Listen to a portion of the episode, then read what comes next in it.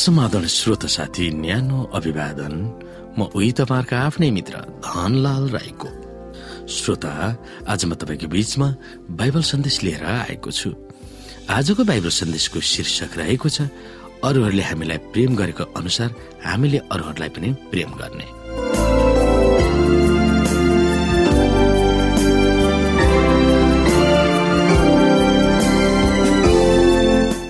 श्रोत साथी लुका दश अध्यायको सत्ताइस र अठाइसमा पण्डितको प्रश्नको जवाबसँग यसुको आफ्नै वचन कसरी तालमेल भएको छ हामी यहाँ मत्ती बाइस अध्यायको सडतिसदेखि चालिस हेर्न सक्छौ। उहाँले तिनलाई भन्नुभयो तिमीले परमप्रभु आफ्नो परमेश्वरलाई आफ्नो सारा हृदयले र आफ्नो सारा प्राणले र आफ्नो सारा समझले प्रेम गर्नु। महान र प्रथम आज्ञा यही हो। दोस्रो पनि यस्तै छ। तिमीले आफ्नो छिमेकीलाई आफैलाई जस्तै प्रेम गर्नु। सारा व्यवस्था र गमवक्ताहरूका शिक्षाको आधार नै यी दुई आज्ञाहरू हुन्। श्रोता मत्ती बाइसको सडतिसदेखि चालिसको अनुसार हामीले परमेश्वरलाई विश्वास गर्छौँ।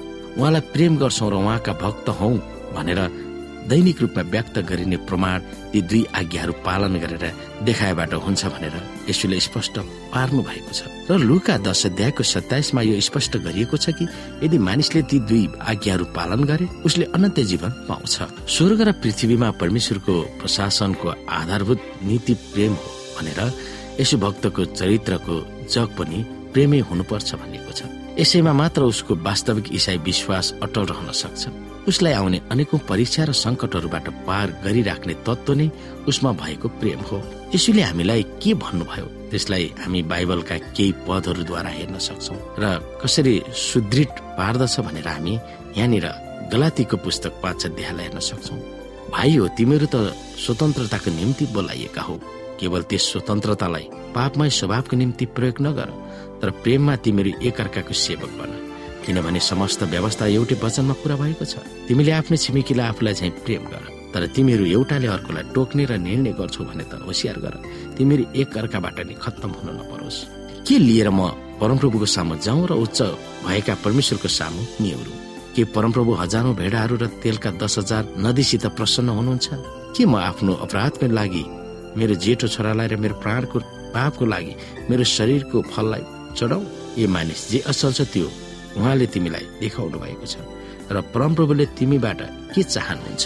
केवल यति ठिकसँग काम गर्नु र कृपालाई प्रेम गर्नु र तिम्रा परमेश्वरसित विनम्र भएर हिँड्नु?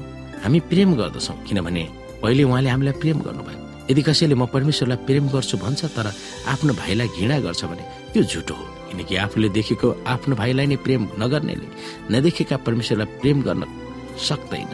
हामीले उहाँबाट यो आज्ञा पाएका छौँ कि जसले परमेश्वरलाई प्रेम गर्छ त्यसले आफ्नो भाइलाई पनि प्रेम गर्नुपर्छ। बाबाले दावी गरेको अनुसार किनभने समस्त व्यवस्था एउटै वचनमा पूरा भएको छ। तिमीले आफ्नो छिमेकीलाई आफूलाई चाहिँ प्रेम गर्नु जब हामीले अरूहरूलाई व्यवहार गर्ने तरिकामा व्यावहारिक रूपमा हामी प्रेम देखाउन सक्छौ भने हामीले परमेश्वरलाई प्रेम गर्छौ। यो भनेर प्रमाणित गरिरहेका हुन्छौँ भनेर पावलले जिकिर गर्दछन्। पावलले भन्छ धर्मी विश्वासद्वारा जिउँछ। अथवा भने तापनि विश्वास भनेको गुपचुप राख्ने होइन वा अरूहरूलाई विश्वासबाट उब्जिएको प्रेम नदेखाई आफैमा राख्नु होइन। पावल मिका र यौन्नाले यो स्पष्ट गरेका छन् कि व्यवहारिक क्रियाकलापले हामीले दावी गरेको अनुसार विश्वासको वास्तविकतालाई देखाएको हुन्छ। यदि कोही महाविद्वान वा पण्डित होला वा महान ठुला ठुला कामहरू गर्ला वा धर्म कर्म गर्ला आफूमा महान विश्वास छ भने दावी नै गर्ला र अझ आफ्नो जीवन पनि त्याग्ला वा शहीद बनाउला तर उसमा प्रेम चाहिँ छैन भने त्यो व्यक्ति केवल झ्याइ झ्याइ गर्ने झ्याली मात्र हुन्छ भनेर बाबाले जिकिर गर्दछन्। एक ग्रन्थीमा दिदी एलएनजी व्हाइटले भन्नुभएको छ दुःख र कष्ट परीक्षाहरूमा अटल भइरहने आधार केवल प्रेम मात्र हो भनेर उनले भनेका छन्। हामी यो कुरालाई सोच्न सक्छौ। यो प्रेम गर्ने नीति कामद्वारा मुक्ति पाउने नभएर यसुमा हाम्रो विश्वास र प्रेम छ भनेर व्यक्त गरिन्छ भनेर स्पष्ट हुँदछ। जब मानिसहरूले हामी देख्दछौ कि धर्म कर्म गरिरहेका छन् र परमेश्वरलाई बिहान बेलुका प्रार्थना गर्दछन् अथवा परमेश्वरको महिमाको निम्ति उनीहरू तल्लीन हुँदछन् तर आफ्नो भाइलाई चाहिँ उसले प्रेम गर्दैन अथवा एक हुन्नाले भने अनुसार आफूसँगै रहेका देखेका कुराहरूलाई हिँडा गर्छ। त्यो झुटो हो। त्यो प्रेम सत्य हुन सक्दैन। अथवा आफ्नो भाइलाई प्रेम गर्न नसक्नेले अथवा आफ्नो छिमेकीलाई प्रेम गर्न नसक्नेले नदेखेको परमेश्वरलाई प्रेम गर्छु भन्नु त्यो एउटा अविश्वास हो। र हामीले उहाँबाट आज्ञा पाए अनुसार हामी यदि परमेश्वरलाई प्रेम गर्छौँ भने हामीले आफ्नो भाइलाई प्रेम गर्नुपर्छ सिक्नु पर्दछ र पावलको दावी अनुसार समस्त व्यवस्था एउटै वचनमा पूरा भएको छ। तिनै कुरा हो छिमेकीलाई आफूलाई चाहिँ प्रेम गर्नु। हामीले आफूलाई जस्तै प्रेम छिमेकीलाई गर्न सक्छौ या सक्दैनौ। त्यो हामीले आफैलाई आफूले जाँच्नु पर्दछ। हामीले अघि नै हेर्यौँ श्रोता के म परमप्रभुको सामु के लिएर जाउँ? उहाँले यस्ता धेरै कुराहरू चिजहरू खोज्नु भएको छैन कि हामी यस्तै कुरा लिएर जाउँ? अथवा मेरो प्राण नै दिइहालौँ? अथवा मेरो शरीरलाई उहाँमा चढाइहालौँ? उहाँले यो खोज्नु भएको छैन श्रोता।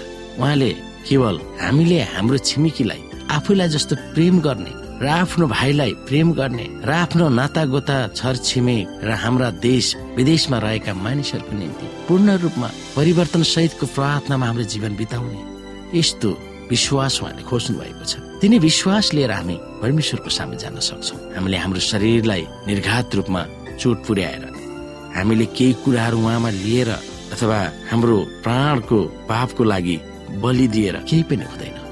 तर हामीले यदि आफ्नो छिमेकीलाई आफ्नो भाइलाई हामीले आफूलाई जस्तै प्रेम गर्न सक्दैनौँ भने ती कुराहरू निरर्थक छन्। त्यसैले श्रोता हामी विश्वास गर्दछौँ भने हामी उहाँमा जान चाहन्छौँ भने हामीले हाम्रो बानीहरूलाई हाम्रो व्यवहारहरूलाई हामीले परिवर्तन गर्नुपर्दछ र आफूलाई जस्तै अरूहरूलाई पनि प्रेम गर्न सक्नु पर्दछ त्यसो भयो भने हामी परमेश्वरको अगुवाईमा हाम्रो जीवनलाई बिताउन सक्दछौ। यिनै कुरामा हामी विचार गर्न सक्दछौ।